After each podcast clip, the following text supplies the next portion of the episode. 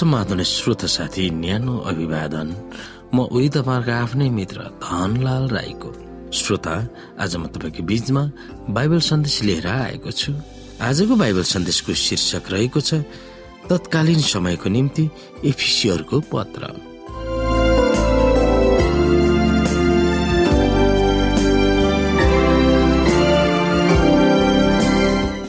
श्रोता एफिसीका विश्वासीहरूलाई लेखेका पत्रमा पावलले कसरी सुरु गर्छन् र त्यसको अन्त्य गर्छन्?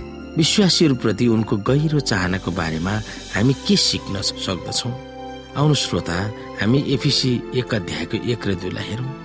परमेश्वरको इच्छाद्वारा ख्रिस यसुको प्रेरित पावलबाट ख्रिस यसुमा विश्वासीहरू एफिसमा भएका सन्तहरूलाई हाम्रा परमेश्वर पिता र हाम्रा प्रभु ख्रिस्टबाट अनुग्रह र शान्ति।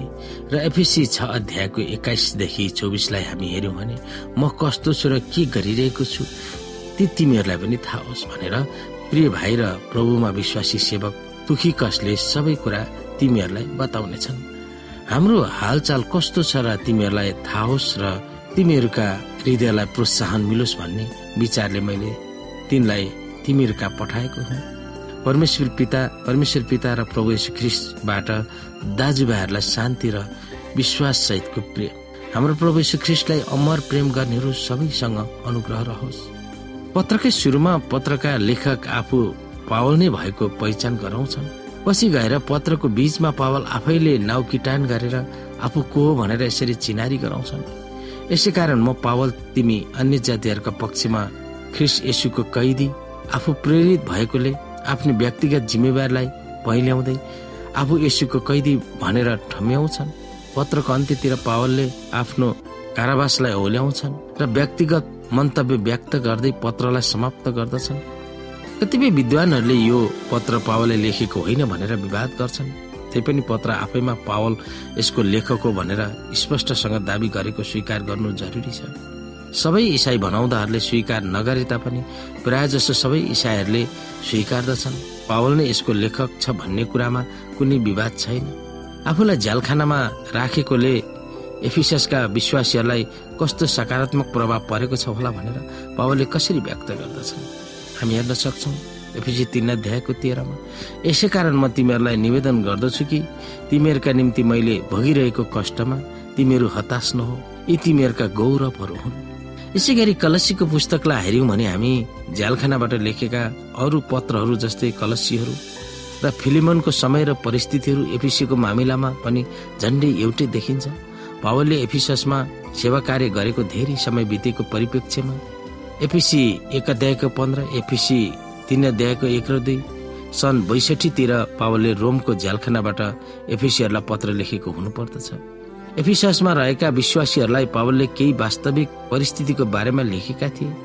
एफिसीहरूले बुझोस् भनेर पावलले खिचेको ध्यानको दायरा विशाल छ उनमा समयको दायरा महान छ।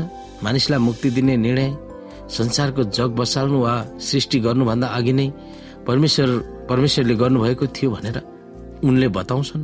ख्रिसबाट उपलब्ध गराइएको परमेश्वरको मुक्तिको महान विषयवस्तुहरू फराकिलो ढङ्गले उनले चिन्तन गर्छन्। परमेश्वरको महान लक्ष्यलाई वर्णन गर्न पावलले आफ्नो पत्र अत्यन्तै उच्च कोटिको शैली प्रयोग गर्छन्।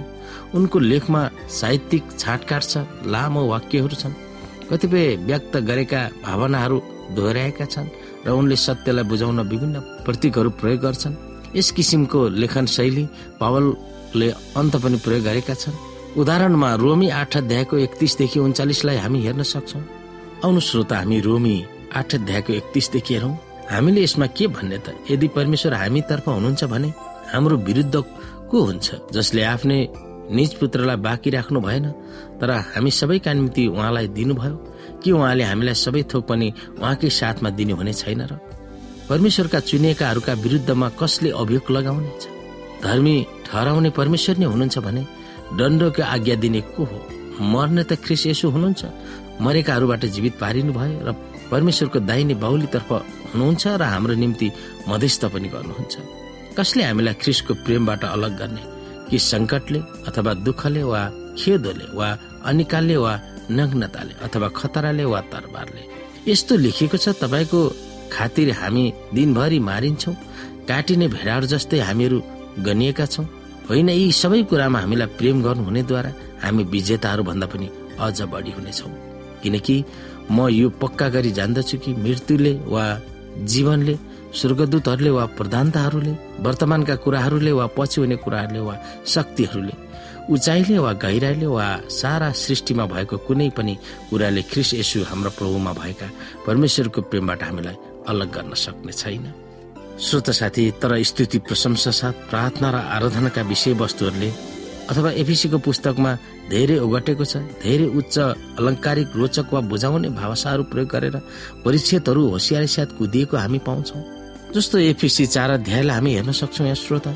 चारको एकदेखि हेरौँ भने यहाँनिर लेखिएको छ यसकारण म प्रभुको निम्ति एक कैदी तिमीहरूलाई आग्रहपूर्वक विन्ती गर्दछ कि जुन बोलावटमा तिमीहरू बोलाएका छौ त्यही योग्यको जीवन तिमीहरू यापन गर। सारा दिनता नम्रता धैर्यसँग एउटाले अर्कालाई प्रेममा सहेर शान्तिको बन्धनमा पवित्र आत्माको एकता कायम राख्न प्रयत्न गर। शरीर एउटै छ र पवित्र आत्मा एउटै हुनुहुन्छ जसरी तिमीहरू बोलाइँदा एउटै आशामा बोलाइएका थियौ जुन आशा तिमीहरूको बोलाउटसँग गाभिएको छ। प्रभु एउटै हुनुहुन्छ एउटै विश्वास र एउटै बत्तिसमा हामी सबैका एउटै परमेश्वर पिता जो सबैमाथि सबैका मध्य र सबैमा हुनुहुन्छ भनेर हामीलाई यहाँ सम्झाइएको छ।